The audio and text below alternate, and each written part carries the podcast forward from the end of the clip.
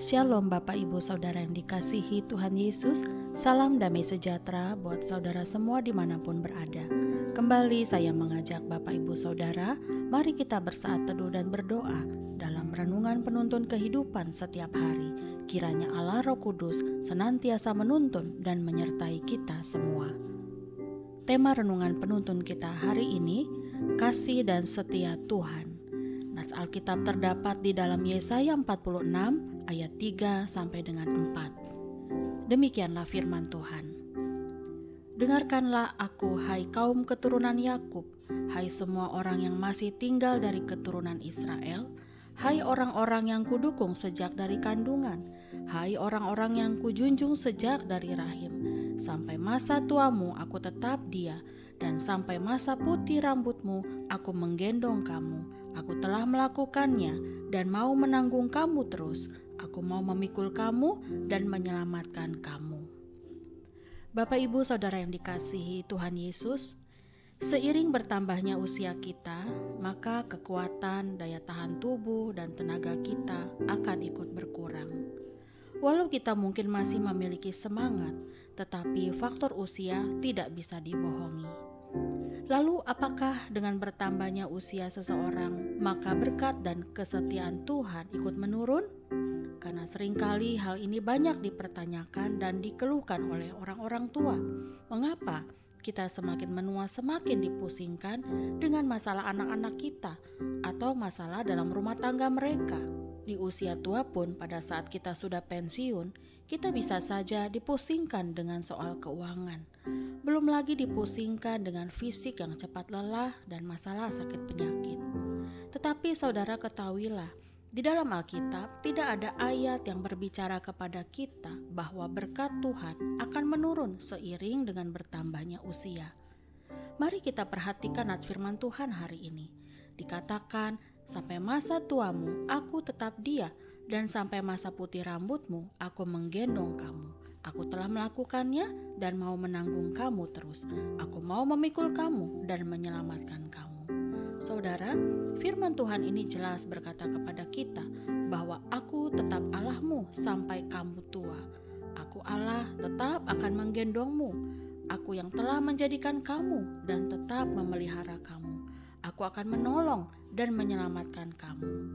Saudara, bukankah janji Allah ini begitu indah?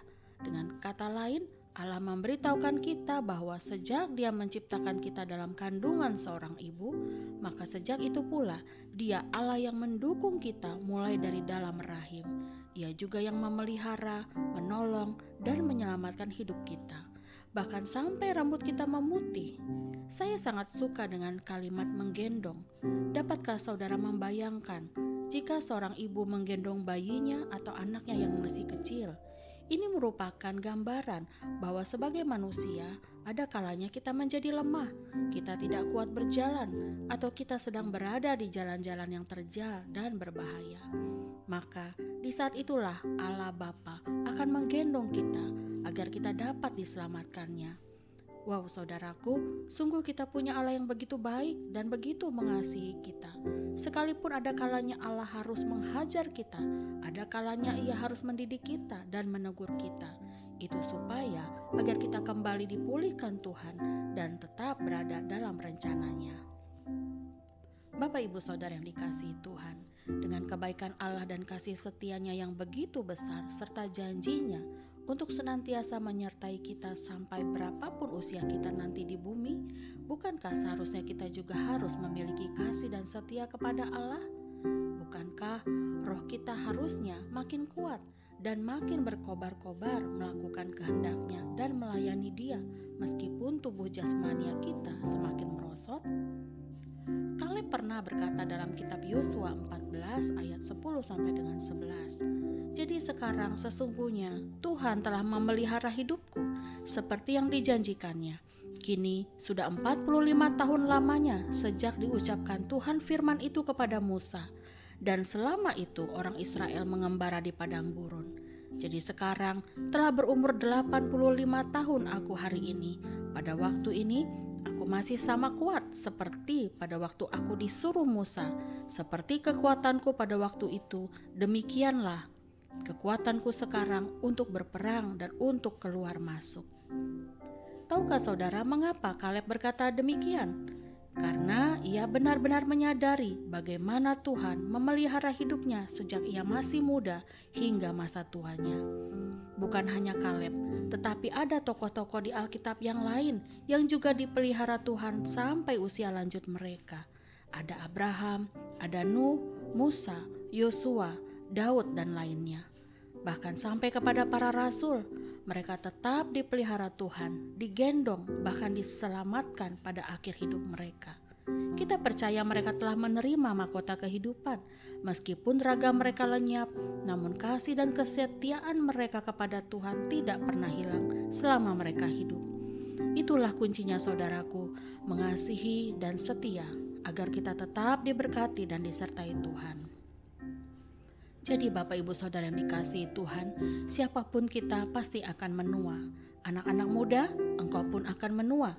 Namun inilah perintah Tuhan. Janganlah kiranya kasih dan setia meninggalkan engkau. Kalungkanlah itu pada lehermu, tuliskanlah itu pada loh hatimu, maka engkau akan mendapat kasih dan penghargaan dalam pandangan Allah serta manusia. Amsal 3 ayat 3 sampai dengan 4.